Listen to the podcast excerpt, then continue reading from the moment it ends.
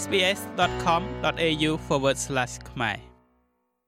កម្ពុជាបាននឹងកំពុងពិចារណាជាមួយចិនបង្កើតច្រកពិសេសមួយដើម្បីផ្ដល់ភាពងាយស្រួលដល់កម្ពុជាក្នុងការនាំចេញកសិផលគ្រប់ប្រភេទទៅកាន់ប្រទេសចិនឲ្យបានកាន់តែលឿនចំណាត់ការនេះនឹងចូលរួមកាត់បន្ថយការគ្មានទីផ្សារលក់ផលិតផលរបស់កម្ពុជានេះបើតាមលោកងិនឆាយប្រតិភូរាជរដ្ឋាភិបាលទទួលបន្ទុកជាអគ្គនាយកនៃអគ្គនាយកដ្ឋានកសិកម្ម នៅក្នុងសន្និសីទសារព័ត៌មានស្ដីពីសមិទ្ធផលសម្រាប់បានរយៈពេល5ឆ្នាំកន្លងមករបស់ក្រសួងកសិកម្មរុក្ខាប្រមាញ់និងនេសាទដែលបានធ្វើឡើងនៅទីស្តីការគណៈរដ្ឋមន្ត្រីកាលពីព្រឹកថ្ងៃទី19ខែកក្កដាលោកងិនឆាយបានលើកឡើងថា ច្រកនាំចេញពិសេសនេះនឹងផ្ដល់លទ្ធភាពឲ្យកម្ពុជា អាចនាំចេញផលិតផលកសិកម្មគ្រប់ប្រភេទទៅកាន់ប្រទេសចិន បានកាន់តែងាយស្រួលនិងលឿនជាងមុន តាមរយៈការពន្លឿនដល់ការត្រួតពិនិត្យវិធានការ COVID-19 ឬការពិនិត្យផ្នែកបច្ចេកទេសដើម្បីឲ្យកសិផលកម្ពុជាអាចចូលទៅដល់ទីផ្សារប្រទេសចិនបានលឿនមិនប្រឈមនឹងការខូចខាត។ ការចរចាបង្កើតច្រកនាំចេញពិសេសនេះគឺធ្វើឡើងបន្ទាប់ពីការនាំចេញផលិតផលកសិផលរបស់កម្ពុជាទៅកាន់ប្រទេសចិន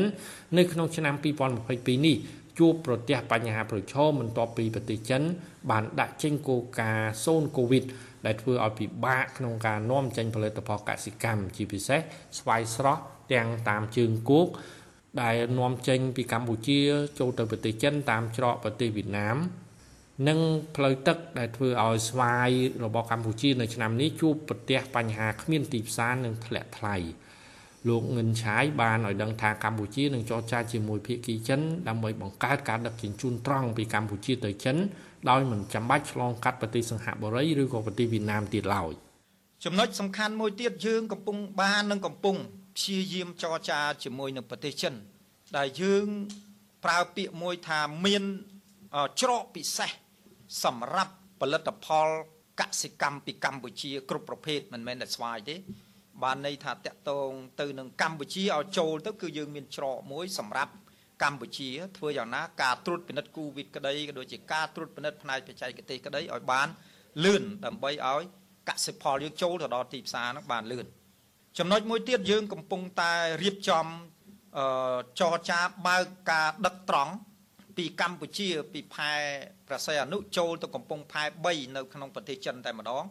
ដោយមិនចាំបាច់ឆ្លងទៅប្រទេសវៀតណាមឬមួយក៏ឆ្លងទៅសិង្ហបុរីហើយធ្វើការ transit ទេក៏ប៉ុន្តែហេតុផលត្រង់ថាក្រុមហ៊ុនមួយចំនួនគាត់អាចធ្វើបានក៏ប៉ុន្តែដោយសារកសិផលរបស់យើងនឹងវាមាននៅចំនួនតិចផ្នែកជា volume អញ្ចឹងធ្វើឲ្យជើងកប៉ាល់របស់គាត់នឹងมันអាច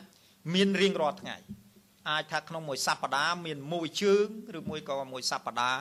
ជួនកាលអាចឈានដល់2សប្តាហ៍ទៅមានមួយជើងអញ្ចឹងកតានេះក៏ធ្វើឲ្យមានការលំបាកដែរព្រោះកសិផលយើងទៅដល់ពេលប្រមូលផលអត់ចាំបានទេ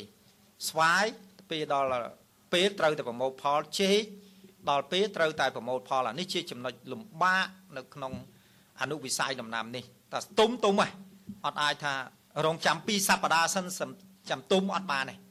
ជែកទៅដល់ពេលប្រមូលផលហើយត្រូវតែប្រមូលមិនអាចទុកថាមួយសប្តាហ៍ទៀតបានប្រមូលផលបាននេះគឺមិនអាចទេ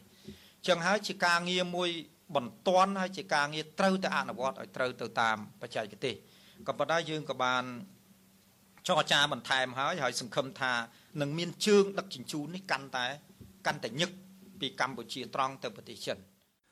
ទន្ទឹមគ្នានេះដែរកម្ពុជាក៏កំពុងចរចាជាមួយប្រទេសកូរ៉េក្នុងការនាំចេញផ្លែស្វាយស្រស់ដោយប្រទេសកូរ៉េអាចនឹងមានលទ្ធភាពនាំចេញស្វាយពីកម្ពុជា ប្រមាណជា50ម៉ឺនតោនក្នុងមួយឆ្នាំ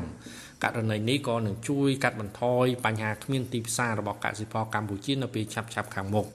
លោកអគ្គនាយកបានបន្ថែមថាសប្តាហ៍នេះកម្ពុជា បាននាំចេញកសិផលប្រមាណ35មុខជាផលិតផលស្រស់និងកែច្នៃទៅកាន់ប្រទេសចិន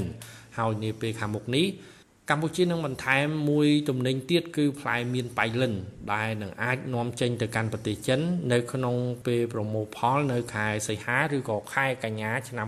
2022ខាងមុខនេះខ្ញុំម៉េងផល្លា SBS ខ្មែររាយការណ៍ពីរាជធានីភ្នំពេញ